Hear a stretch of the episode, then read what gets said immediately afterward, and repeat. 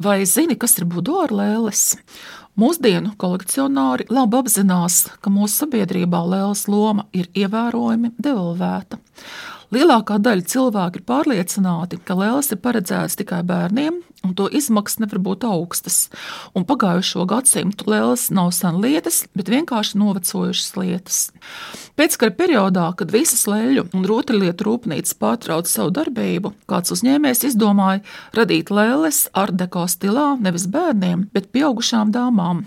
Leļu ķermenis bija šūts no auduma, bet galva, rokas un kājas no ceļa līdz pēdai tika izgatavots no papiemašē, porcelāna vai dažkārt no vaska vai celuloīda. Brīnišķīgas frizūras tika veidotas gan no dabīgiem matiem, gan mohēras vai zīda diegiem. Daudzām lēlēm bija dabīgu matu vai kamieras palvu skropstas. Seju klāja koši uzkrāsotas acis, bet dažkārt tās arī bija no stikla. Vidējais lēlas izmērs bija no 50 līdz 90 cm, bet reizēm tas sasniedz arī 1 metru garumu. Jau sākotnēji šīs lēlas bija paredzētas pieaugušajiem, proti, smalkām sabiedrības dāmām. Parādījušās 20. gadsimta sākumā, šīs lēlas ieviesa pilnīgi jaunu lēļu veidu, un pret tām uzreiz izveidojās īpaša attieksme un tika pievērsta liela uzmanība. Budāra liels mērķis bija vienkāršs, un to galvenokārt noteica tās nosaukums. Tāpēc tās tika izmantotas kā stilīgs akcents telpas interjerā vai budāra dekorēšanai, bet dažkārt lēļu īpašnieces tās ņēma līdzi saviesīgos pasākumos, lai piesaistītu kavalieru uzmanību. Buduāra lēlēm patika pozēt, tāpēc, lai ieņemtu gurdenu relaksētas pozas, šādas lēles tika radītas ar mīkstu rumpi un diezgan iegaranām ķermeņa proporcijām.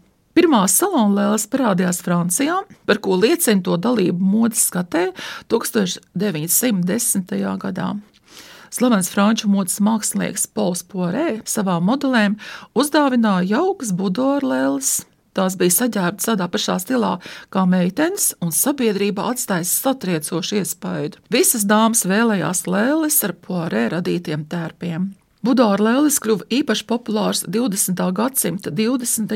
un 30. gados. Šajā laikā daudzas sievietes sāka samērā neatkarīgu dzīvesveidu, varēja brīvi strādāt, ļauties grezni izskatu radīšanai. Parādījās arī tā saucamo flaperu dāmu kustība. Atsakoties no konservatīvisma, šīs dāmas radīja brīvās sievietes tēlu. Viņas smēķēja, lietoja narkotikas, nesāja bikšu kostīmus, pirmās sāka vadīt automašīnu un vēlējās panākt vienlīdzību starp sievietēm un vīriešiem. Tas atspoguļojās arī dažu budāru leļu stilā. Iespējīgi īsi matu griezumi, slaida figūra, spilgts uzkrītošs grīms ar izteikti sarkanām lūpām.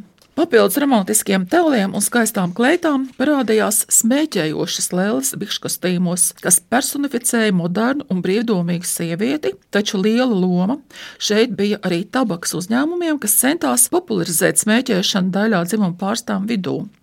Spilgtākais piemērs bija smēķēšanas koķete Fadete, ko 20. gadsimta 20. gados ražoja populārā itāļu kompānija Lenci. Šīs lēles nosauc par flaperlēlēm.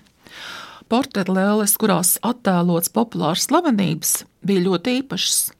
Jau pieminētā itāļu kompānija Lenci bija viena no pirmajām, kas izgatavoja izcils lēles ar Mērijas Pikfordas, Marlēnas Dītrihs un pat Rudolfa Valentīno portretu līdzību.